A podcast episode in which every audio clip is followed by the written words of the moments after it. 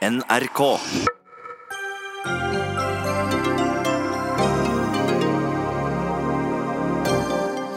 Hva koster en koalisjonsregjering med Kristelig Folkeparti for tiden? Tja, sju milliarder kanskje, om vi skal tro dagens reviderte budsjett. For det er det regjeringen øker oljepengebruken med, og det er for mye, advarer økonom. Meldingsappen WhatsApp, som alle trodde var så trygg, er ikke trygg likevel. Den har blitt utsatt for et hackingangrep. Men fortsatt å bruke disse programmene, det skal vi nok. Det er skjebnetimer for fødetilbudet i Kristiansund. Bunadsgeriljaen inntok Oslo i full mundur i dag, og møter helseminister Bent Høie til debatt. Og NRK diskriminerer korpsbevegelsen, og bruker stort sett bare én dag i året på å vise den frem, hevder kritisk korpsentusiast.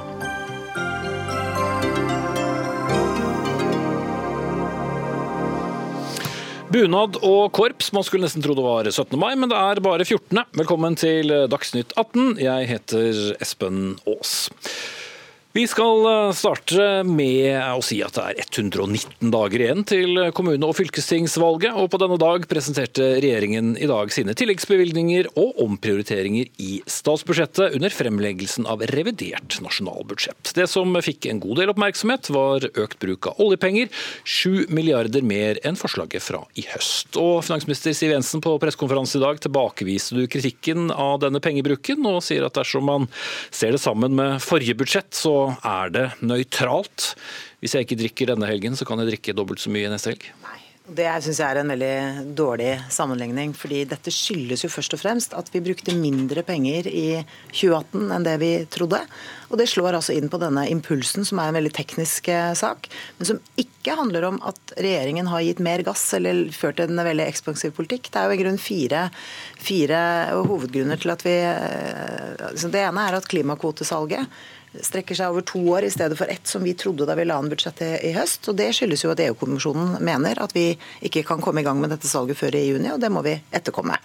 Det andre er at elbilfordelene, som det er bred politisk enighet om i Norge, de virker. Eh, og Vi har jo satt de opp for at klimagassutslippene skal gå ned. Men det har gjort at vi må redusere eh, skatte- og avgiftsinntektene med over 3 milliarder kroner i revidert budsjett. Og så må vi altså Det har vært et lite uhell i Forsvaret. Helge Ingstad. Eh, det var det som ikke kunne tas under strek? Ja, det koster penger. Og jeg regner ikke med at Stortinget heller mener at vi skal kutte i Forsvarets bevilgninger for å finansiere det. Og vi har også gjort endringer i naturalytelsene, som det også er enighet om i Stortinget. Summen av disse fire tiltakene er om lag hele den økte oljepengebruken. Mm. Men eh, vi skal helt tilbake til 2017. Eh, så sto både du og Erna Solberg forut for budsjettkonferansen og sa at eh, dere må vite det at eh, vi kan ikke bevilge penger til alt. Men eh, hvorfor kunne man ikke strammet inn på noe annet? Det er jo to måter vi kunne gjort det på. Enten så kunne vi midt i året skjerpet skattene kraftig. Det mener jeg er en veldig dårlig idé. Det hadde ført til stor uforutsigbarhet for næringslivet og vanlige folk. Eh, og det kommer ikke fra denne regjeringen. Det andre hadde selvfølgelig vært at vi kuttet. Kuttet i bevilgningene til sykehuset, til politiet, til kommunene. Det har heller ikke denne regjeringen til hensikt å gjøre. Eh, og det er nå engang sånn at Revidert budsjett er en arena hvor du gjør, altså tilpasser kart og terreng. Og Når det har skjedd uforutsette ting på veien, ja, så er det sånn man pleier å gjøre det. Og det er altså ikke, Man skal ikke gå lenger tilbake igjen til eh, de to siste årene Jonas Gahr Støre satt i regjering. Eh, så gjorde man det samme eh, i to reviderte budsjett, for man opplevde akkurat det samme som nå. Nemlig at man brukte mindre penger enn man forutsatte året før, og så slår det inn på impulsen året etter. Mm. Ja, Der fikk du en slags introduksjon, Arbeiderpartileder Jonas Gahr Støre. I Dagens Næringsliv i dag så sa Siv Jensen og Erna Solberg at det er ikke noe igjen for deg å kritisere, men Hold dere fast, eh, lyttere. Det kan vel hende du klarer det likevel? Ja, jeg synes Det egentlig forteller noe om en veldig selvtilfreds regjering da, som leser Norge og norsk økonomi og norsk samfunn ut fra sine egne statistikker. Nå er det ikke noe igjen for Jonas Gahr Støre å kritisere. men det spørs om hvilken hverdag du titter rundt i. Og jeg tenker at Nå er Norge på vei inn i en høykonjunktur. Vi kjører på med mer oljepenger. Økonomene sier i løpet av dagen at faren nå for at renta skal opp, den øker. Det er en del mennesker som blir truffet av det. Næringslivet blir truffet av det. Kommuner blir truffet av det når det skjer. Og så mener jeg at eh, Når du først da skal bruke mer penger, så er denne regjeringen helt blind for noen av de utfordringene som er i vårt samfunn, ikke på de statistikkene Siv og Erna ser på. De 30 eh, med lavest inntekt i dette landet har fått redusert kjøpekraften sin de siste årene. Eh, det er en hel gruppe mennesker som mister arbeidsavklaringspengene, trygda si. De kommer til å ende på sosialen, mange av dem. Det gjøres det ikke noe med. Mm. Der sparer jo regjeringen noen penger? Ja, de skriver at de sparer penger på at folk mister arbeidsavklaringspengene sine. og Jeg har vært nok grunn til å se at det er mange ganske tragiske skjebner som følge av det. og De menneskene de blir jo av et sted. og Mange av dem kommer til å bli uføre, det skriver de også om. Og mange havner på kommunenes uh, sosialbudsjett. Uh, Men, Men bare for å avklare en kort ting. Ville du uh, da vært altså Ville Arbeiderpartiet levert et strammere budsjett, eller mener du, i motsetning til da noen av økonomene som har kritisert i dag, at det var greit å ta de sju milliardene? Vi skal bruke oljepenger, og vi skal bruke oljepenger for å ivareta viktige hensyn i Norge. Men hver gang siden denne regjeringen tiltrådte, har den brukt mest av alle. Opposisjonen har alltid ligget under, så jeg tror ikke vi kommer opp på deres nivå. Men, men det som er interessant, er, nei, det får vi nå se på, men det som er interessant her er at kommunalministeren sier til kommunene i gode tider må vi holde igjen, da er det strammere vilkår. Erna Sol nei, Siv Jensen sa i oktober at uh, nå må vi holde igjen når vi går inn i, i neste år. Men på statens eget budsjett så holder det ikke igjen. Og jeg frykter at taperne her kommer til å være kommunene som skal løse mange velferdsoppgaver. De får stramt kommunebudsjett, og de kommer til å få uh, begrensninger i hva de kan ta inn i eiendomsskatt. Og nå får de også uh, beskjed om at de skal overta sosialytelser til mange som okay, mister trygden. Det ble en lang liste. Siv Jensen. Dette er en veldig hul kritikk fra Arbeiderpartiet. For på, den, e på den ene siden så sier Arbeiderpartiet at regjeringen bruker altfor mye penger, men i neste bisetning så kommer dere med alle de tingene dere vil bruke mer penger på. Og Hvis dere da ikke skal bruke mer oljepenger, så er det bare to måter å gjøre det på. Det er å slå til med kraftige skatteskjerpelser midt i året, eller å gjennomføre betydelige kutt som vil ramme velferden i dette landet. Ingen av de delene syns regjeringen er en veldig god idé. Og jeg har lyst til å minne eh, Arbeiderpartiet på at dere bruker om lag akkurat like mange oljepenger som det denne regjeringen gjør. Og så har jeg ett spørsmål.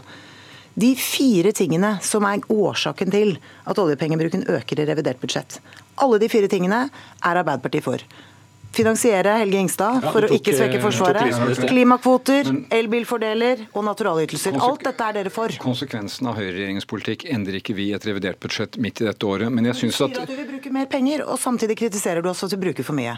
Eh, jeg sier at vi skal bruke oljepenger. Jeg konstaterer at hvert år siden du overtok, så har du som regjering brukt mest. Alle opposisjonspartier, kanskje med unntak av Rødt, har brukt mindre. Mitt poeng er din invitasjon Espen Aas, det var nå er det ikke mer igjen for Jonas Gahr Støre å kritisere, men det er det for den måten dere ser samfunnet på. Ulikhetene som vokser, sosiale skiller, folk som faller utenfor arbeidsmarkedet, det ser vi. Og da ulikhetsmeldingen kom for noen uker siden, den ble dere påført, dere måtte levere den, Stortinget ba om den, så viste dere jo at dere har ikke forståelse for betydningen av det. Hvordan det kommer til å dempe mulighetene for næringslivet vårt til å rekruttere nye folk, utvikle samfunnet, stå i omstillinger. Og kommunene våre, det er de som skal ta imot uh, ungene våre, oppvekst, skole, skolemat, det er de som skal ta vare på våre eldre. De får trangere kår, og det uroer meg. Bare, bare ta den biten da med, med, kommunene, for det har jo også vært en, en sak da noen pekte på at altså, da ble det strammet inn, mens for staten nei, ikke fullt så mye. Det ble ikke strammet inn for kommunene. Helt siden denne regjeringen tiltrådte, så har vi styrket kommuneøkonomien hvert eneste år. og det har altså aldri vært færre kommuner på denne såkalte Robek-listen, som er en sånn skrekkliste å havne på hvis man er i kommunepolitikken. Men la oss ta litt av ulikhet. fordi Det Arbeiderpartiet har prøvd å kritisere i dag, er at revidert budsjett ikke gjør noe for de som har det vanskelig i dette landet. Det er jo feil. Vi styrker bostøtten. Vi styrker pleiepengeordningen, vi styrker aktivitetshjelpemidler for de som har behov for det, altså for, for folk som er eh, funksjonshemmede. Vi har en kraftig boligsosial satsing, eh, for å nevne noe av det vi gjør. Eh, og så er det jo en gang sånn at det aller viktigste som er med på å redusere ulikhetene i vårt land, det er at flere mennesker kommer i jobb. Nå er ledigheten lavere enn den har vært på ti år. Flere mennesker er i arbeid, og det er til og med sånn at færre mennesker nå har behov for bostøtte fordi de får bedre eh, jobb, bedre inntekt. Og Det er jo et tegn på at eh, vi går i retning av lavere ulikhet. Og Det syns jeg kanskje Arbeiderpartiet burde begynne å anerkjenne. Men jeg registrerer at Jonas ikke vil svare på mine spørsmål. fordi at nå har han brukt alt av taletid. Jo, hvordan skal du finansiere alle de utgiftsøkningene som dere i dag har sagt at dere skal komme med? Hvis du ikke vil bruke mer oljepenger, da må du øke skatten. Men jeg foreslår ikke de store kuttene i skatt som du gjør til landets rikeste. Vi har ikke foreslått skattelettelser i dette reviderte budsjettet, men dere må øke skattene hvis du eh, skal men, men la oss ikke ta den eh, skattedebatten. Jeg bare spør om en ting. fordi at En ting er i hvert fall helt klart, og det er at uh, nesten alle piler som du uh, antyder, peker jo også oppover. Lavere ledighet, god vekst i, i økonomien. Ja, men, men, når det går så bra, det er jo ikke da vi skal bruke mer oljepenger. Så spørsmålet er jo da, hvis vi nå skulle gå mot en kjøligere økonomisk tid, som veldig mange mange antyder at vi kommer til å gjøre. Da må du bruke enda mer. Nei, men vi ga gass i finanspolitikken for å møte oljeprisfallet i 2014. Når økonomien tok seg opp igjen og begynte å gå bedre, så har jo regjeringen strammet til. Vi har lagt an nøytrale budsjett nå i flere år, rett og slett fordi vi må slakke av når det går bra. Og det handler jo om at du skal ha handlingsrom eh, til de tidene hvor det går dårligere. Mm. Hele debatten Jo, det går bra, og det skal vi glede oss over, fordi det er lav ledighet. Bare de tre første månedene i år så har det skapt 19 000 nye bedrifter. Så pilene peker i riktig retning. Men dette er jo all hovedsak en revisjon av budsjettet, som er en videreføring av det budsjettet. Men som kan føre til økt eh, rente, frykter noen. Nei, la oss snakke litt om renten. Norges Bank har varslet lenge at rentebanen kommer til å ta seg opp, at vi får økt rente. Det skyldes først og fremst at det går bra i norsk økonomi.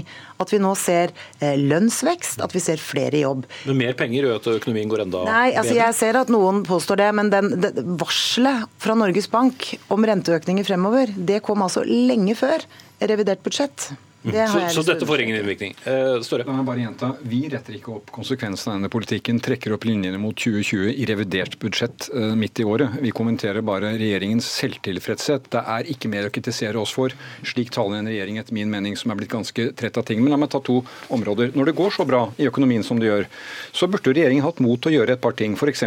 7000-8000 av våre unge får ikke læreplass. Hvorfor ikke nå si nå går det bra, i bygg og anlegg går det bra, nå setter vi i gang om det er prøveprosjekt prosjektet for å få flere inn i læreplass. Og én ting til når det gjelder valg. Jeg synes, jo, men jeg skal runde av med én ting. fordi at vi For to uker siden så hadde Siv Jensen landsmøte, og da skrøt hun veldig at nå skulle det komme en kjempesatsing på kjøkken på sykehjem, så maten kunne lages der. Det skulle lukte mat. Det er altså 620 000 kroner fra 625 000 til og med. Ja. Men, men, nå skulle den ordningen komme på plass ja. tidligere enn det men, som har vært anført. Og det er jo bra. Er du imot en sånn ordning Nei, også? Det blir kanskje ikke så mange grønnsakene på hver med 625 000. Poenget er jo at dette er en populær ordning ute i kommunene som når vi setter i gang før vi hadde antatt. Og det, du kan ikke føre en stram kommuneøkonomi og så kompensere med 620 000. Da blir det ikke god varm mat på kjøkkenet. Nå tar du ordet for en lang rekke andre tiltak som du ønsker å bruke penger på. Mange ting som står på regjeringens ønskeliste også, både når det gjelder læreplasser, mm. mer penger til, til, mange gode formål. Men det har vi altså ikke kommet med, fordi dette er en revisjon av budsjettet. Det er et nøkternt budsjett som viderefører de gode tidene. Nytt statsbudsjett kommer som alltid i oktober, og i mellomtiden kommer det altså de andre partienes eh, alternativforslag. Takk til finansminister Siv Jensen fra Fremskrittspartiet og Arbeiderpartileder Jonas Gahr Støre. Og så skal vi skifte panelet her og få inn eh, en økonom nemlig sjeføkonom Kjersti Haugland i DNB. Og du har vært blant de økonomene som har vært kritiske til oljepengebruken til finansministeren. Men hun sier se dette i et toårsperspektiv, så, så går dette bra. Ja, Jeg eh, kjøper ikke helt den argumentasjonen. Eh, dette er på mange måter snøen som falt i fjor. 2018 eh, ble et godt økonomisk år for Norge, med oppgang i norsk økonomi. At finanspolitikken nå i bakspeilet viste seg å bli innstrammende, det tålte tydeligvis økonomien veldig godt. Det er ikke noe behov for å ta dette her igjen med ekstra punch i år, i 2019, der det da går enda bedre i norsk økonomi. Så jeg var kritisk til oljepengebruken allerede da de la fram eh, eh, budsjettet sitt i eh, oktober, og nå har de økt dette budsjettet ytterligere. Men får det noen konsekvens? Altså Din kollega Erik Bruse i, Nordea er jo enig med, med Siv Jensen og sier at dette får ikke mye å si. Ja, Vi mener at det har noe å si. vi har jo sett på Norges Bank sine egne anslag for, for oljepengebruken. Og i sum og over de to åra, så, så, er det en sterkere impuls. Eh, fra finanspolitikken, og ikke minst så er den ujevnt fordelt. sånn at 2019, her og nå, så har vi en sterkere vekst inn i norsk økonomi. og Det skal være et argument som bidrar til eh, for seg sjøl å øke sannsynligheten for eh, to rentehevinger innen høsten er omme nå. Så mer enn den første opprinnelige banen? Eh, ja, eller iallfall løfte banen litt. Grann. Eh, men nå skal det sies det at det er jo andre forhold, eh, ikke minst internasjonal økonomi, som trekker i motsatt retning. Så jeg sier ikke det at jeg, jeg ser på dette her isolert sett, så er dagens melding fra Siv Jensen og co. noe som bidrar til økt sannsynlighet for to rentehevinger på rappen i de neste, ja, det neste halvåret. Eh, politisk kommentator Magnus Akvam her i NRK. Dette med oljepengene er jo vanskelig hvis du ser bakover på budsjett etter budsjett, og også for så vidt da eh, revidert. Det er ikke lett å være den politikeren som eh, vil være festbrems. Nei, det er klart, og Vi er jo kommet dit eh, når det gjelder bruk av oljepenger i Norge, etter veldig mange år med et oljefond som har vokst og vokst. slik at eh, det er klart at å snu den trenden for så vidt i et revidert budsjett eller i et statsbudsjett, har jo vist seg at ingen regjering så langt har greid. Eh, det er klart at kritikken av det reviderte budsjettet ville vært enda sterkere hvis oljepengebruken ikke hadde blitt sett i lys av, av uh, fjorårets budsjett. Uh, det, det, er, det, er, det ingen tvil om. Da, da, ville ingen ha kunnet forsvare at man uh, pøser på med mer ekspansivitet i et år der økonomien øker og går, går såpass bra. Det man kunne kritisert regjering for selv med dette, altså bl.a. er jo de satsingene, de ekstrasatsingene man gjør i budsjettet. Eh, men det eh, er det eh, politisk umulig for regjeringen å, å, reversere. Der har Frp fått sine reduksjoner av bompengegjelden og KrF eh, pleiepenger og den typen gode formål. Så har, det har vært politisk umulig for Siv Jensen å få enighet om å eh, redusere utgifter med 4-5 milliarder kroner, rett og slett. Og Vi hørte også Jonas Gahr Støre vil på ingen måte si at han ville latt være å økt, han ville bare ikke si med eh, hvor mye. Men når man ser på det reviderte budsjettet som sånn, det er jo først og fremst en slags løypemelding. altså De, de virkelige viktige budsjettet er jo forslaget som kommer i oktober, som regel den store kursen. Her tilpasser man for så vidt kartet etter terrenget, som er den berømte klisjeen. Men hva slags Norge er er det vi så konturene av gjennom da, eh, revidert nasjonalbudsjett i dag? Ja, Det er jo et Norge som går eh, veldig bra i øyeblikket. Eh, vi har ikke noe overoppheta økonomi, det har vi ikke, men det, ting er helt klart på stigende kurs.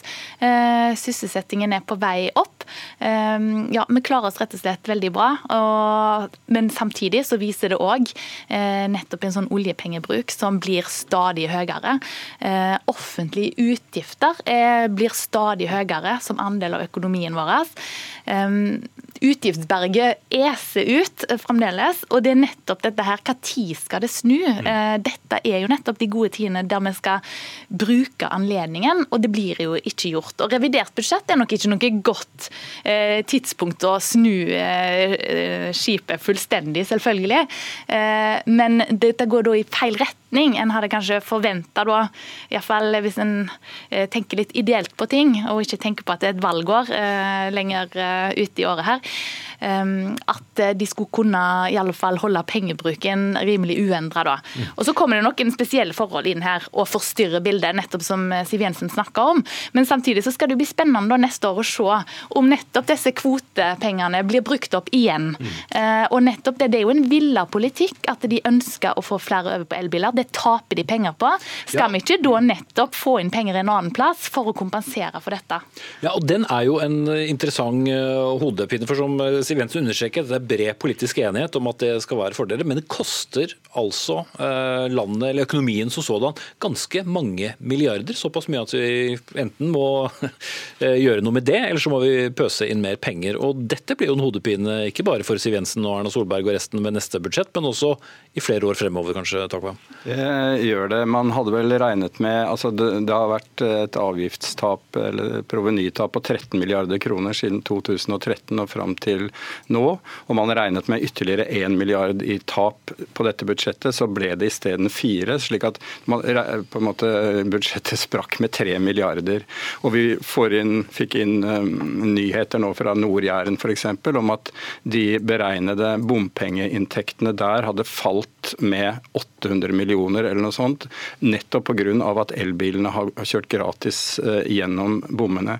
Så dette systemet er ikke bærekraftig, det, det ser alle. Men for denne regjeringens del så er det en politisk uenighet om det, der partiet Venstre f.eks. vil løse dette ved å øke drivstoffavgiftene. Frp vil ikke gå over til veiprising. Så dette er en nøtt både for denne regjeringen, men også for andre partier. Mm. Mer nøtter eh, trilles ut eh, når det er neste statsbudsjett. Takk til Magnus Akvam, politisk kommentator her i NRK, og Kjersti Haugland, sjeføkonom i DNB. Dagsnytt 18 alle hverdager kl 18.00 på NRK P2 og NRK2.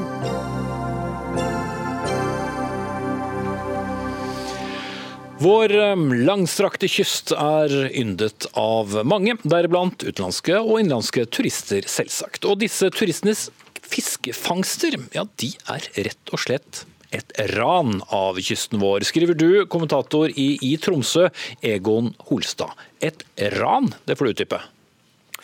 Ja, jeg skriver jo eh, videre i ingressen til den overskriften at uh, kom gjerne hit til oss, men fisken må dere la være igjen når dere drar. Eh, det kommer at det i dag har eh, stadig flere bedrifter som tilbyr fisketurisme som en vesentlig del av, av, av turisttilbudet her, i, både i Nord-Norge, men for så vidt også lenger sør i landet, på både i Nordland og i Trøndelag og langt nedover langs kysten vår. Det er jo masse fisk hele veien.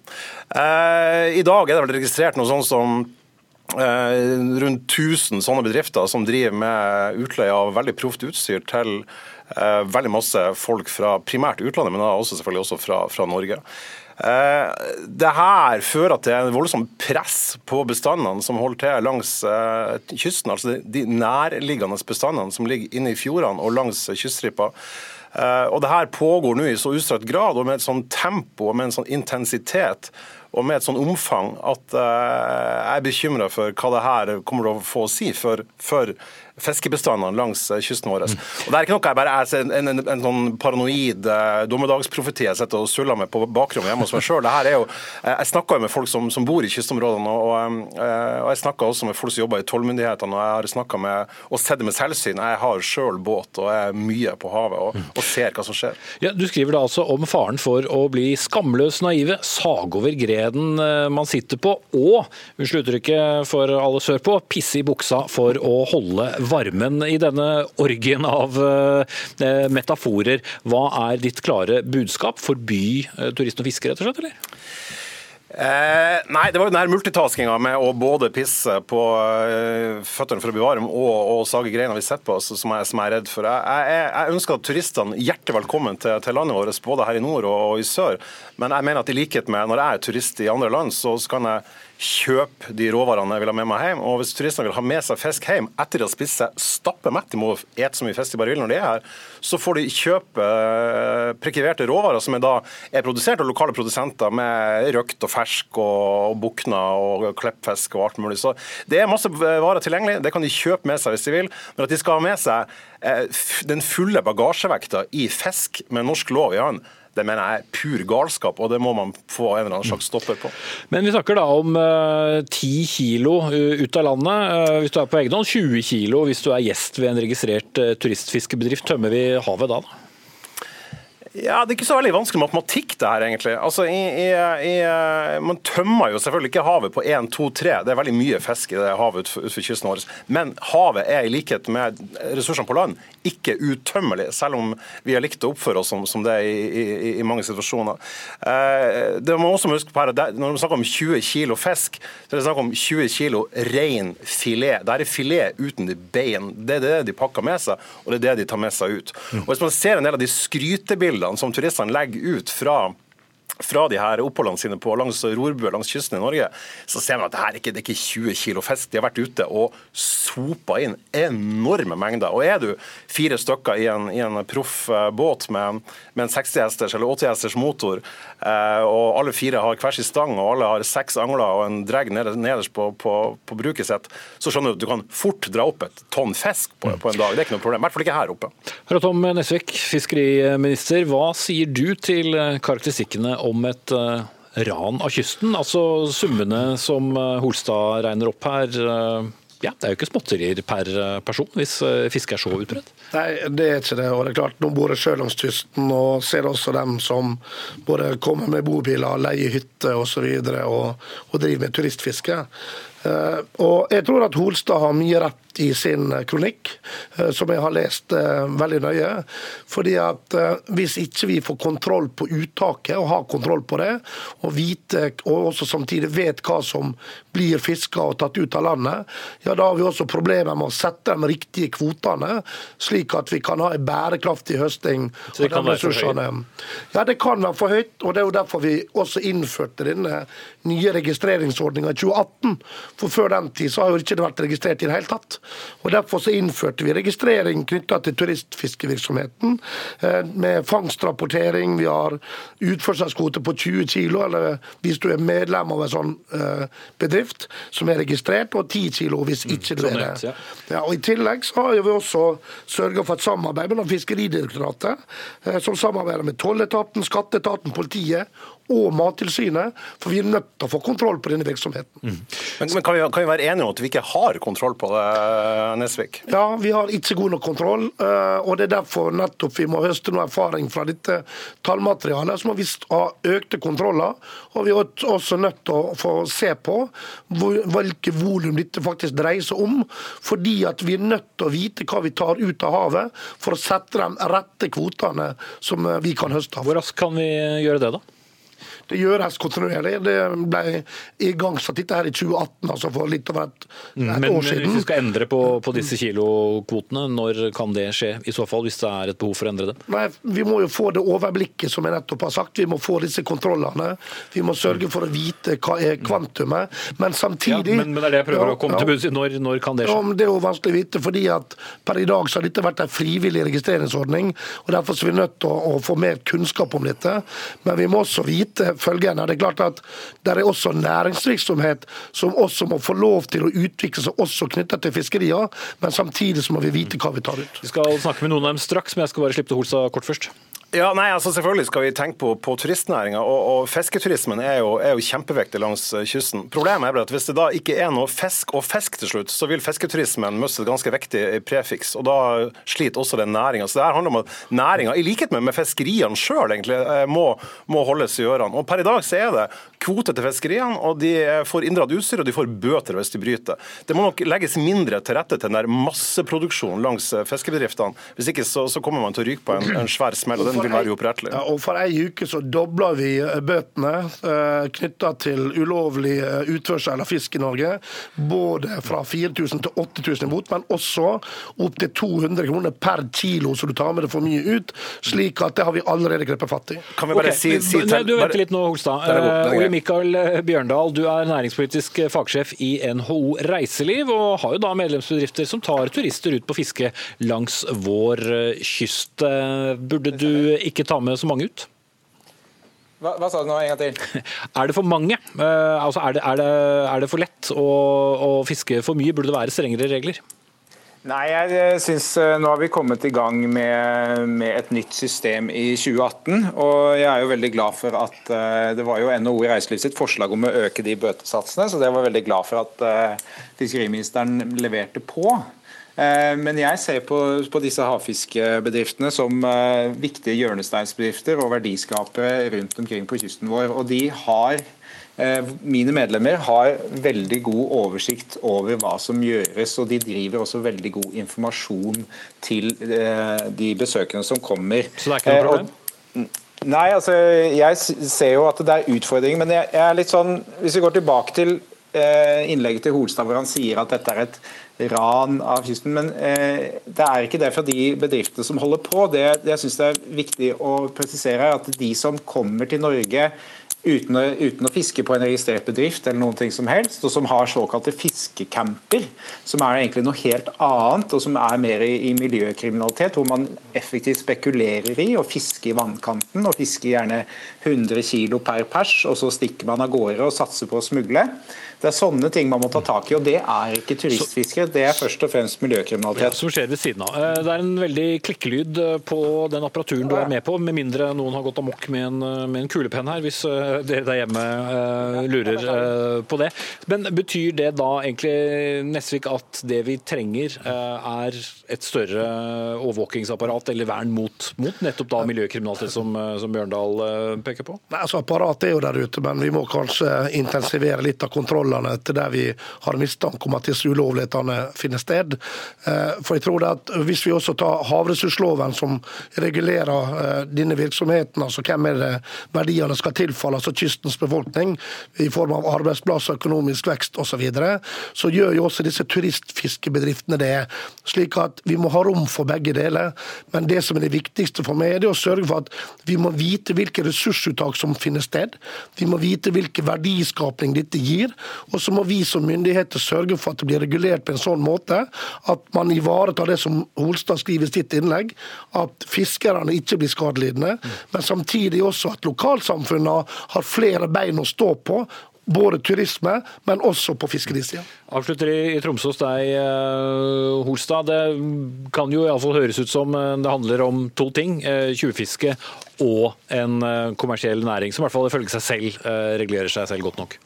Ja, men jeg tror det, det, er to ting som er viktig. Det ene er at det må legges mindre til rette til sånn svær produksjon av, av fisken på, på, de, på de oppretta bedriftene som allerede er der. Altså, og, og, I 2018 så var det vel noe sånn som 65, 65 eh, eller 68 beslag, eh, som, som, totalt utgjorde nesten 7 tonn fisk. Så må man tenke for det vanvittige mørketallet her. Så for å bruke retorikken til, til Fremskrittspartiet, som, som, som, ofte er i sving fra deres egen, så er jeg for altså at norske myndigheter må bli hardere i klypen og hjelpe kystfisken vår der den er. Jeg nemlig for en streng og rettferdig fiskeripolitikk også for kystfisken. Det skal jeg garantere at fiskeriministeren skal gjøre. Derfor så dobler vi bøtesatsene, og jeg har tenkt å gjøre flere tiltak hvis vi ikke får bukt med dette her bukt, faktisk. Ifølge Havforskningsinstituttet fisker turistene opp mot 13 000 fisk i året, men mørketallene kan også være store. Takk til Harald Tom Nesvik, fiskeriminister, og fra Fremskrittspartiet, Ole Mikael Bjørndal, næringspolitisk fagsjef i NO Reiseliv, og Egon Holstad, kommentator i I Tromsø.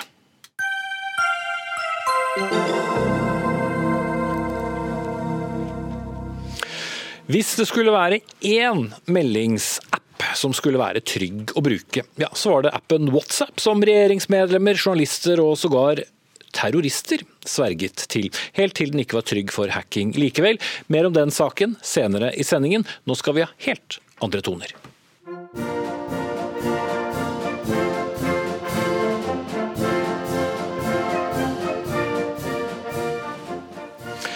Og mens det blåses i instrumentene her, så har det også vært utblåsning helt andre steder. For en korpsveteran og korpsmusikant, Inga Helene Juel, blåste ut og sa nå er det nok NRK, og mener at dette hus diskriminerer korpsbevegelsen og mangler respekt for musikkorpsene. NRK bruker stort sett én dag i året, gjett hvilken? Jo, selvsagt 17. mai, til å vise frem bevegelsen, men de andre 364 dagene, da? Hva med de? Ja, Jul, du er med oss. I tillegg til å være korpsentusiast, er du også kulturskolelærer og frilansjournalist. Og i to kronikker i Nordlys så har du altså blåst ut mot NRKs dekning. Hva er det som er så feil? Det som er feil, er jo det at eh, den dekninga som er utafor 17. mai, er jo at er, det er veldig lite. Og den som er, den er veldig negativt lada, og ofte basert på, på eksisterende fordommer mot korps, og ikke som resultat av nøktern og grundig journalistikk. Og Jeg har jo da søkt litt på nrk.no, og det er jo mye da skolekorps som sliter med rekrutteringa, det er elendige veier som gjør at folk truer med å ikke spille på 17. mai. og det, det, altså det er, Man må hente skole, musikkorps fra Danmark for å for å få dekket opp det behovet man har. og, og så, og spesielt hva, hva, hva, slags saker skulle vært laget? Hva, hva, slags journalistikk, grundig ja. korpsjournalistikk eh, er det vi ikke lager her? F.eks. Eh, i år så ble Smørås skolemusikk, skolekorps, de ble nummer tre i Europamesterskapet for korps. Eh, for skole, eller I ungdomsklassen for Europamesterskapet for korps. Eh, I 2015 så var f.eks. Bispehaugen skolekorps eh, de fikk lov å delta i den store paraden 4.7 i Washington DC. Og her sånn Lokalt så da, var det et svært prosjekt i fjor forbindelse, i forbindelse med jubileet. Det store korpsjubileet i fjor, musikkorpsenes. Det var 100 år siden Norges Musikkorps Forbund ble oppretta. Da, hadde, da, var det et prosjekt som het Lyden av Leia, som inkluderte fem skolekorps i Harstad, Lofoten og Vesterålen. Og som var helt fantastisk norgesreklame for de turistene som var om bord på Hurtigruta. Mm. Så det var, det var, en opplevelse for livet for dem. Ingrid Nordstrand, du er fungerende kulturredaktør her i eh, NRK. Eh, liker vi ikke korps? Jo, jo, vi elsker korps i NRK. Eh, og vi er jo Høres ikke sånn. Nei. Vi er veldig glad for å få innspill av uh, viktige uh, miljøer, sånn som korpsmiljøet og Inga Helene Juel her.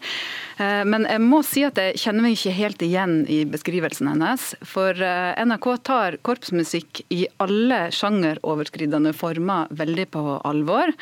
Og vi har en variert dekning, alt fra små notiser på nrk.no til nyhetssaker fra distriktskontorene, som f.eks. dekker den saken som hun var inne på her med lyden langs leia. Eh, vi har korpsinnhold for barn på NRK Super. Eh, og helt til store satsinger som vi gjorde nå sist i romjula, da vi sendte en svær jubileumskonsert med Forsvarets musikk på NRK1 i beste sendetid for 400 000 seere. Og Det er jo den varierte dekningen vi gjør gjennom året. Og Samtidig har vi mye korpsmusikk på spillelistene våre, og kanskje aller viktigst, selv om det kommer til sist her nå, en halvtimes dedikert eh, program hver uke på P1 pluss som heter 'Messing og treblås', der programleder Rune Alstedt lytter seg gjennom CD-er som han får tilsendt av korps rundt omkring fra, eh, fra, landet, og velger ut det han vil presentere i programmet. Og det her Programmet har 60 000 eh, lyttere i gjennomsnitt. Mm. Ja, eh, Kan noe annet norsk medium toppe all denne korpsdekningen, Jul? Altså, nå har jeg gått gjennom alle episodene med Messing og treblås. Eh, jeg syns ikke det er spesielt fantastisk. Eh, det er, ligger da fire, nesten fire år der. 163 eh, programmer, hvorav én sesong ikke er tilgjengelig. Og det er mangelfull informasjon om hvem som er med. Det er massevis av over 20 år gamle amatøropptak. Og de som har vært med i korpsbevegelsen, Eh, jeg har vært eh, involvert i det her siden 1974. De vet at det har skjedd en, altså en eksplosjon på nivå, eh, spesielt etter 2000. Og, og, og, påstå at man da eh, bruker eh, Altså at det er variert, eh, det er jeg ikke med på. jeg lurer jo på hvilke journalistiske og musikkfaglige eh, vurderinger som ligger til grunn for at man faktisk bruker eh, over 20 år gamle opptak, ikke bare én, men to ganger. Mm. Ikke noe utstillingsvindu, dette her, lenger, Norsan? Ja, nå må Norsan få svare. Uh, ja, altså jeg er jo da uh, kulturredaktør i NRK. Mitt hovedansvar er jo å gi den best mulige dekningen på et veldig bredt kulturfelt. Og da er 20 år gamle opptak bra nok? Eh, ja, altså det kan være bra nok, for det finnes veldig masse gode 20 år gamle opptak. Men vi gjør òg veldig mye på eh, det aktuelle. Og som sagt, eh, Rune Alstedt i Messing og treblås får tilsendt massevis av CD-er hver uke, som han hører gjennom og, og velger ut. Så, så, det er ikke riktig at det, bare, at det er mye gammelt der. Det er både gammelt, som er bra, og det er veldig mye nytt. Men det som er viktig for oss, er å nå ut eh, med en best mulig dekning på et veldig bredt kulturfelt. Og der er korps en av, eh, en av eh, tingene vi mener er viktig. Eh, og vi har dedikerte kulturjournalister som brenner for alt eh, de gjør, og veldig mange av de er ihuga korpsentusiaster. Så det her er de opptatt av å snakke om i veldig mange av våre flater. Uten å helt så... nå ut til uh, entusiaster som deg da, Inga Helene Juel. Men hvor, hvor altså Jeg forstår ja, altså... at du brenner veldig for korps, men det er vel begrensninger hvor enorm appetitt det er for korps også, eller? Dekkes andre musikksjangre ja, med? Ja, men, men, men, poenget er jo at korpsmusikk er jo ikke en musikksjanger. korpsmusikk eh, det er, altså Korps er en betegnelse på en besetning. Det, det, handler ikke om sjanger. Altså, jeg har spilt I løpet av det siste året, i korpssammenheng, så har jeg spilt Beethovens 7. symfoni. Jeg har spilt uh, balkanmusikk. Jeg har spilt Chicago, altså rockebandet, ikke musikalen. Og jeg har, på, uh, jeg har spilt julekonserter med, med stjernekampfinner Adam Douglas. Altså, og så si at korpsmusikk, altså Man definerer korpsmusikk altfor snevert.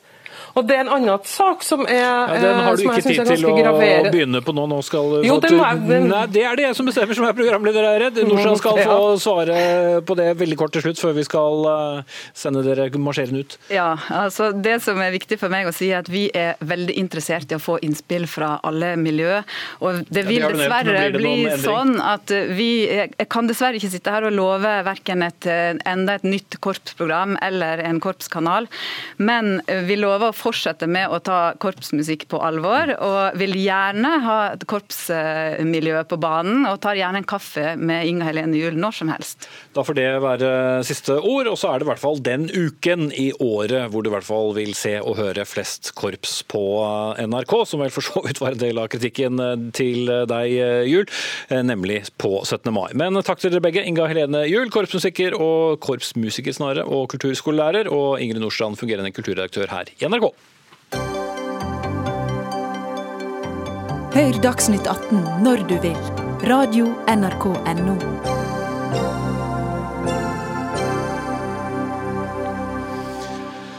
Det var den meldingsappen som skulle være så trygg at regjeringer benytter den, journalister benytter den, ja sågar terrorister har sverget til meldingsappen WhatsApp. Men eh, mange har nok i dag blitt bedt om å oppdatere den, og grunnen til det er at appen som skulle være umulig å hacke, er blitt angrepet av spionvare. Og Martin Gundersen, rådgiver i, eh, og journalist i NRK Beta. Hva er det som egentlig har skjedd med denne tilsynelatende uangripelige meldingsappen?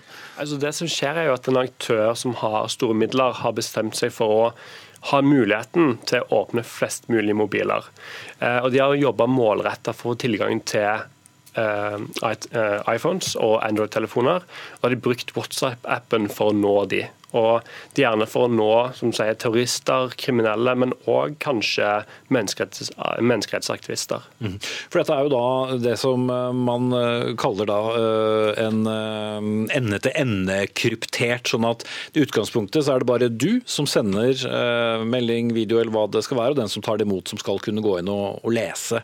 Så hva er det denne programvaren som er blitt brukt her, egentlig gjør? Ja, Det man har klart, er jo å bare lure eh, programvaretelefonen, sånn at man har ringt opp og så har ikke jeg trengt å ta telefonen nødvendigvis, eh, men via det så har man kjørt en del har kjørt et program som har gjort at de får tilgang til min telefon. Og Da har de for tilgang til min lokasjon, de har fått tilgang til mine meldinger. Eh, og via det så kan de òg f.eks. slå på mikrofonen eller kamera. sånn at egentlig så handler det om at de lurer en sikker app til å bli den styggeste vennen du har. Mm. Torgeir Waterhouse, direktør for internett og nye medier, medier i IKT Norge. Burde vi eh, bli nervøse? Nei, ikke nervøse, men vi burde, vi burde, begynne å forstå alvoret i at eh, programvare av alle mulige typer, altså enten det er den type sikker programvare eller det er eh, det som styrer eh, lyset i studio her, kan ha feil. Og de feilene kan misbrukes av de som har onde hensikter. Og det interessante her er jo at ikke bare at det har skjedd, men det er også at man har brukt denne appen som en måte å komme inn på selve telefonen. Sånn at det er mer alt det andre på telefonen som er målet her, og det er et, en privat aktør som står bak den tjenesten som er brukt til å gjøre det. Eh, NSO Group eh, de leverer til myndigheter verden over som har som intensjon å overvåke individer. Og Dette er egentlig bare vår tids versjon av det myndigheter verden over alltid har drevet med, å targete noen unike folk, bestemte folk, og gå etter de med alle mulige midler. Og Dette er et etisk stor problemstilling. Men Var det egentlig spørsmål om tid? Eh, altså, det var jo flere lands sikkerhetsmyndigheter, bl.a. i USA og Storbritannia, som nærmest forbannet WhatsApp fordi Det gjorde det umulig for dem å overvåke da tekstmeldinger mellom grupper som de hadde under spesiell oppsikt. Men de bare tenkte feil? Ja, altså, dette, altså, Den feilen er jo retta. sånn det går ikke an nå lenger via WhatsApp. og De vil sikkert finne andre måter å installere sånn spionprogramvare på folks mobiler. via andre muligheter, så Dette er bare en av mange muligheter for å gjøre det. Det er ganske viktig å se dette i sammenheng med at, at dette holder både kriminelle og myndigheter på med hele tiden. Forsøke å finne veier inn. Og Vi skal ikke lenger enn til flere av de store rundene vi har hatt med såkalt ransomware. altså programvare som tar dataen din som gissel. Mest sannsynlig det som Hydro har vært utsatt for. Tilsvarende med Mersk, tilsvarende med sykehusene i England. Og veldig mange av de systemene har vært basert på programvare stjålet fra NSA i USA, og som modifisert av andre for å, for å utnytte sånne kjente feil. Så, så, det viktigste for alle oss, enten det er oss tre i rommet eller ikke minst alle som da hører på, det er jo at hold disse appene oppdatert. Fordi de feilene som utnyttes på denne måten, det er kjente feil. Og har det kommet en oppdatering, så må du kjøre den. Så vi pleier å omtale de, i hvert fall de som har iPhones, da, hvor det er en sånn rød runding på AppStore-appen som klovner, for det er en klovnenese du har på AppStore-appen. Så få den vekk. Mm. Husk på det, dere som sitter med 78 apper som ikke er uh, oppdatert. Men uh, Martin Gundersen, dette er jo da WhatsApp som igjen vel eies av Facebook, uh, og som har hatt sine sikkerhetsproblemer tidligere med, med, andre av enten det dreier seg om Snap eller andre. Ser vi først og fremst at vi har folk som er flinke til å, å bryte seg inn, eller ser vi store konserner som ikke er flinke nok til å sjekke programvaren? Det man kanskje ser, jo en litt gjentagelse av uh, den bekymringen at store selskaper har store feil som kan påvirke dem. Og de beste folkene med sikkerhet jobber i dag i Facebook og Google og Apple. Uh, at de blir utsatt for uh, det man kaller en privat aktør eller en statlig aktør, er ikke noe som sjokkerer noen. Eh, og man har visst hele tiden at jo større app du har, jo eh, viktigere mobilen du har, jo større sannsynlighet er noen vil bruke mye ressurser på å knekke koden. Og Dette var jo da en verdensnyhet eh, i dag. Jeg våknet opp den på BBC selv. De brukte masse tid på det. Det er jo ikke uten grunn? Torgeir Waterhouse. Nei, Dette er alvorlig. For det er jo et, det er jo et retta angrep på det vi ser på som en sikker og trygg infrastruktur. Og som du innleda med, hvem som bruker disse tjenestene. Det er nettopp fordi vi har behov for å ha sikker kommunikasjon. Eh, og så er det jo sånn at som jeg sa, så, så, er dette noen myndigheter har holdt på med i mange år. Og, men før så måtte de være nære deg. Nå kan de sitte hvor som helst i verden og, og rette angrep mot deg. Og så skal vi samtidig være litt beroliga av hvert fall de fleste av oss at vi er ikke målet for dette her og nå, men vi må være klar over at veldig mange av de tjenestene vi bruker kan misbrukes. Det er også derfor det er så viktig at vi har økt fokus på sikkerhet. Både på det å lage ting sikkert fra starten av, på å tenke både sikkerhet og personvern osv. som det vi kaller innebygd, at du har det med deg i alt du gjør og alt du bygger. Men også at man kontinuerlig overvåker og følger med på hva som foregår. Og ikke minst at myndighetene blir flinkere til å dele informasjon om feil de blir kjent med, med de private aktørene som faktisk må utbedre dem. Mm. Takk skal du ha, Torgeir Waterhouse, direktør for internett og nye medier i IKT Norge. Og takk til deg også, Gundersen, eh, journalist her i NRK Beta. Og som sagt, har du en eh, AppStore eller tilsvarende på en annen type telefon hvor det står at du trenger en del oppdateringer, se om det er en yngre person i nærheten, så kan vedkommende hjelpe deg.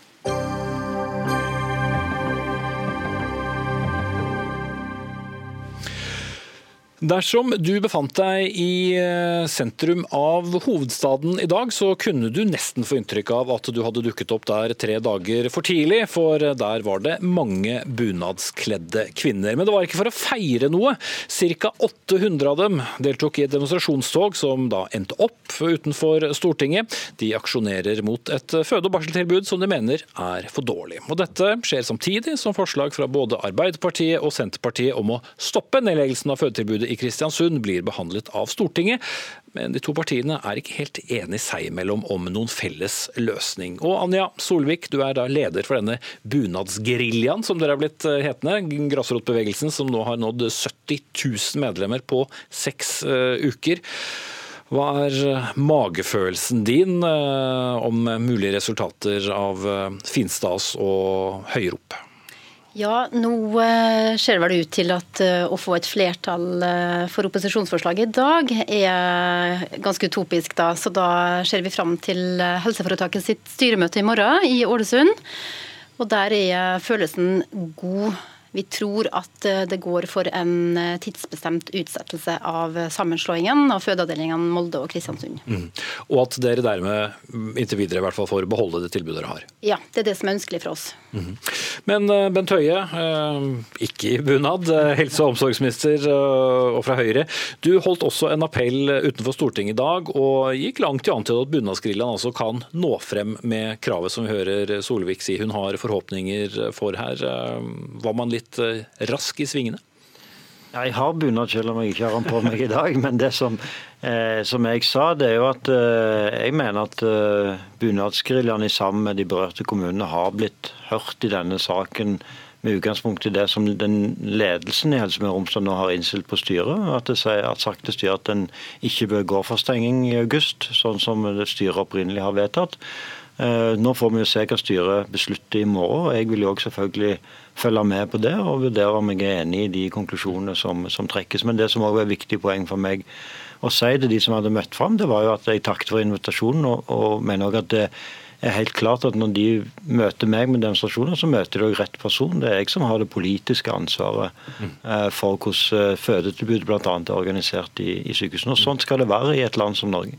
Og Du mener ikke nødvendigvis at eh, det er eh, riktig eh, økonomi eller riktig tanke om, om, om, sikkerhet for kvinner å ha mange steder omkring i landet hvor man kan føde? Jo, tvert imot. Jeg har jo lagt fram en nasjonal helse- og sykehusplan som sier at vi skal ha et desentralisert fødetilbud og sykehustilbud i Norge. Det er to områder vi ikke er ferdig med å tegne kartet. Det er på Innlandet og på Helgeland. Der har det vært et ønske lokalt å ha en diskusjon om hva er den mest fornuftige strukturen. og Den, den lokale diskusjonen den mener jeg må få lov å gå eh, fram til en har kommet til noen eh, konklusjoner. og Da skal jeg vurdere de. Men Hva skal til for at du er enig, da? Eh, for Du sier at du skal jo se på det. Du har jo, det er noe sånn at du kan eh, bruke det som heter paragraf 30 og, og gå inn og eventuelt overstyre helseforetaket. Hva skal til for at du eh, ikke gjør det? Eh, ja, altså det, hvis jeg ikke gjør det, så er det jo fordi at jeg er enig i de konklusjonene. Ja, og, men, men, hva må da komme? Eh, ja, det er jo, altså jeg, må, jeg må jo se både på de argumentene som eh, brukes, de faktagrunnlag som er, men òg på prosessen som fører fram til konklusjonen, og lytter også ikke bare til de som sitter i styrene og deres konklusjoner, men òg til kommunene og andre, og de som har interesse, pasientene og, og, og sånt. Og sånn skal det være i et demokrati som Norge. Mm. Kjersti Toppe, stortingsrepresentant og helsepolitisk talsperson for eh, Senterpartiet. Dere fremmet altså et forslag i dag om å redde denne fødeavdelingen i Kristiansund for all fremtid, og ønsket da å overprøve helseforetakets eh, vedtak. Slik du hører helseministeren, og slik du hører muligens forhåpningene da øh, fra øh, bunadsgeriljaen om, om helseforetakets vedtak i morgen, hvordan øh, tolker du fremtiden? Mm. Ja, vi har jo levert et forslag eh, nå om å eh, ikke legge ned fødeavdelingen inntil det nye sykehuset er i drift. Eh, og Det vil òg eh, Arbeiderpartiet støtte. så Da er vi jo enige i opposisjon. Eh, men jeg syns jo denne saka er et paradoks når helseministeren sitter her, og Stortinget òg i dag alle sammen håper og tror at helseforetaket skal gjøre et vedtak som en sjøl syns er rett. Og Da kan du jo stille spørsmålet med hvor, hvor, det politiske ansvaret er for noe så viktig som fødetilbudet, som har jo med trygghet for for de fødende og kvinner å gjøre, men det har jo òg med, med, samfunnsutvikling og, og, og, og det er et vesentlig eh, akuttilbud. Eh, så, så, og det er jo heller ingenting som har endra seg fra helseforetaket gjorde eh, vedtak i mars om å legge ned fødeavdelingen fra eh, august. Det var gjort risiko- og sårbarhetsanalyse som var eh, veldig negative på at dette her ikke var, var bra. Eh, så det eneste som har endra seg på en måned, det er jo at det har vært et stort trøkk ute med bunadsgeriljaen. Kommunene har avslutta sine samarbeidsavtaler osv. Men faglig sett, så burde, jo, så burde jo statsråden grepe inn for en måned siden hvis han var uenig. For det er ingenting nytt faglig sett. Eh, mens vi har jo fått eh, tilbakemeldinger fra statsråden at eh, for en måned siden med at nei, det viktigste var økonomi, og han hadde full tillit til helseforetaket. Så skal det, det være sånn at de som roper høyest får viljen sin og skal overprøve politiske vedtak? Nei, det, det, det, skjer jo heller ikke. Men dette har jo vært et, et, en stor eh, motstand. ikke sant? Det er jo jo ganske uvanlig at det kommer sånne store protester. Men jeg, jeg mener jo at Men det har jo skjedd den, utredninger i forkant? Det var jo ikke ja, det burde bare skjedd, Hvis, den, hvis den var, hadde vært seriøse i storting og i regjering, så hadde den grepet inn for en måned siden. Så hadde den sluppet hele bunadsgeriljaen, for da hadde den tatt det og, og tatt vedtaket seriøst. Mm. Ja, Høie, Man får inntrykk av at det egentlig er en av alle tre her, men hvordan har vi havnet i denne situasjonen? For det første så er det jo sånn at uh, Kjersti Toppe står jo egentlig for en uh, styringsmodell av sykehusene som det er helt umulig å gjennomføre i praksis. F.eks. vil jo da frata alle de tillitsvalgte mulighet til innflytelse på den type spørsmål. Jo, men la oss holde til, jo, nei, til dette, da. Det, det som er det sentrale her, fordi hun sier jo at, at Stortinget bare skal beslutte ting i, i den rekkefølge som Stortinget måtte finne på når en har eh, faktisk Eh, i Norge et system som innebærer at bl.a. de ansatte i et, eh, i et, sykehus har representasjon i et styre. Det skal være prosesser i forkant. De, den type vurderinger og konklusjoner som gjøres i de styrene, er jo selvfølgelig en del av det beslutningsgrunnlaget som jeg skal ha. Og Hvis eh, jeg hadde opptrådt sånn som, helse, som Kjersti Toppe vil, så hadde jeg da reist land og strand rundt og overstyrt denne type prosesser kontinuerlig. Det hadde skapt egentlig den situasjonen som vi hadde når fylkeskommunene drev sykehusene. Lange ventetider, aldri eh, økonomisk overskudd, eh, kraftig underinvestering i sykehusene eh, og et betydelig dårligere helsetilbud enn det vi har i dag. Og, og bare for å ha brakt Det på den, det er, det er uvanlig at statsråder overprøver sine helseforetak? Ja, Det er veldig uvanlig, for de stort sett så har en gode prosesser som lander med, med gode konklusjoner òg. Men jeg har jo gjort det i, i, noen tilfeller, og i andre tilfeller har jeg òg lagt klare mandater for et, for et arbeid. Og det er klart at Jeg har jo tatt den politiske beslutningen om at vi skal ha et sykehus på Nordmøre og Romsdal. Så når det sykehuset eh, er ferdig, så er det jo ingen tvil om at da er det føde, en fødeavdeling på Nordmøre og Romsdal. Det som er nå i diskusjonen, er jo eh, om en skal slå disse sammen eh, før det nye sykehuset står ferdig, og eventuelt hvilket tidspunkt det er. Mm. Men Anja Solid, du som er da støvlene på grunnen her, for å bruke et sånt uttrykk. Hva har vært deres forståelse av hvordan man har havnet her? Altså Hvorfor ble det sånn? Det er jo gjort uh, vurderinger. Det er jo uh, personell som mener de kjenner uh, lokale forhold godt. Og så plutselig er dere i Oslo og må, må rope så høyt dere kan for å få de på innsiden av Stortinget til å høre.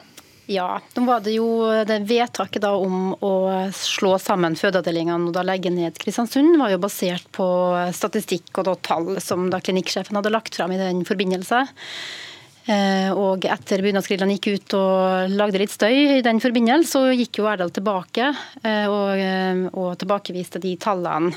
Sånn at rent faglig sett så er det ikke da lenger noe årsak da, til å legge ned Kristiansund. Så da sitter man jo egentlig igjen med et økonomisk begrep rundt det. Og vi tenker jo at i og med at det finnes et vedtak på å bygge et eh, stort fellessykehus på Hjelset, så ønsker man da kanskje å eh, spare penger der hvor man kan, for å komme i gang med, med det bygget. Da. Vi tenker at med så høye Eh, et så høyt, høyt, underskudd som helseforetaket har, og i tillegg den prisen som det sykehuset kommer på, så tenker vi at eh, det er langt frem til et nytt fellessykehus. og Da er det særdeles viktig å opprettholde et godt fødetilbud i Kristiansund og i Molde eh, frem til da. Mm. Ja, Toppe, dere har jo aldri vært noen, noen stor fan av organiseringen av sykehusene slik det er i dag, men, men nå er det nå sånn. Men hvor mange mm, slike runder tåler vi når helse helseforetaks beslutninger eh, må inn, i, inn til hovedstaden og Stortinget? Altså, jeg mener det er misforstått. for det var jo når en vedtok helseforetakslover, så vedtok en paragraf 30 at hvis det var større eh, beslutninger som hadde samfunnsmessige konsekvenser, føde blir jo nevnt som et eksempel, så skal så det, det til. Eh, men så er det jo det er viktig å få sagt at dette er ikke over med styrevedtak i morgen. For det som ikke forsvinner i morgen med eventuelt vedtak i styret som vi syns er, er, greiere, det er jo at de har et innsparingskrav på nærmere en halv milliard som de skal klare på tre år. Så det, dette er jo bare starten av det vi ser. Og det kravet forsvinner jo ikke med eh, Ved å opprettholde fødetilbudet. Mm. Ja, eh, der er det fortsatt eh, en utfordring. Eh, det er vel ikke sånn at du kan bla opp ekstra for å løse det, eller? Nei, og Romsdal har en stor utfordring med at de har brukt eh, mer penger i mange år eh, enn det de har eh, fått av Stortinget og av meg. Og Det er selvfølgelig ikke akseptabelt. Så Helse Møre og Romsdal må klare å gå Og det er deres ansvar? Det er deres ansvar. Det er jo nettopp derfor vi har ansvarlige styrer som må ta et helhetlig ansvar for, for driften. Fordi at mange andre sykehus i Norge går i pluss og kan forsvare de investeringene de skal gjøre. Og jeg mener at et felles sykehus på Nordmøre og Romsdal er en del av løsningen på de utfordringene som Helse Møre og Romsdal har og Regjeringen har bidratt med å forbedre lånebetingelsene, bl.a., som òg reduserer omstillingsbehovet i Helse Møre og Romsdal. Men de må klare å drive innenfor de pengene som Stortinget har bevilget. Noe annet er udemokratisk. Mm. Vi får følge med på vedtakene i helseforetaket i morgen. Takk til eh, helse- og omsorgsminister Bent Høie, Anja Solvik, leder for Bunadsgeriljaen, og Kjersti Toppe, stortingsrepresentant for Senterpartiet. Og så blir det vel litt mer hurrarop fra de bunadskledte senere i uken. Ansvarlig for denne sendingen, Fredrik Lauritzen. Teknisk ansvarlig, Marianne Myrhol. Her i studio, Espen Aas. Vi er tilbake igjen i morgen, da med Fredrik Solvang i studio.